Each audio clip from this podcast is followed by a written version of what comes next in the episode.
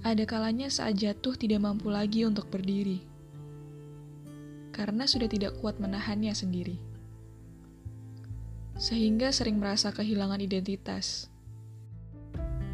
Rabun arah membiarkan semakin jatuh, bahkan kesalahan melampaui. Mengeluh pada kegagalan yang engkau temui bertubi-tubi.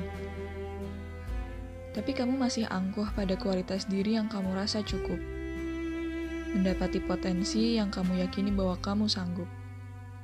Padahal hanya membuat kesempatan berhasilmu menguncup. Maka jangan biarkan kesalahan itu mendarah daging karena pilihan yang konyol. Sehingga usahamu sama dengan nol. Daur ulang kesalahan masa lalu menjadi hal yang bermanfaat untuk masa depanmu. Bukan hanya kerja keras, tapi juga kerja ikhlas sehingga usahamu beralas. Percayalah, potensi itu bukan milikmu.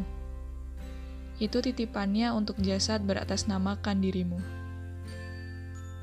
Lalu dia memberikan segumpal daging sebagai pengemudi ruhmu, apakah ke kanan atau ke kiri. Dan percayalah, kamu didesain olehnya agar menjadi yang terbaik sebagai penghuni sementara di sini.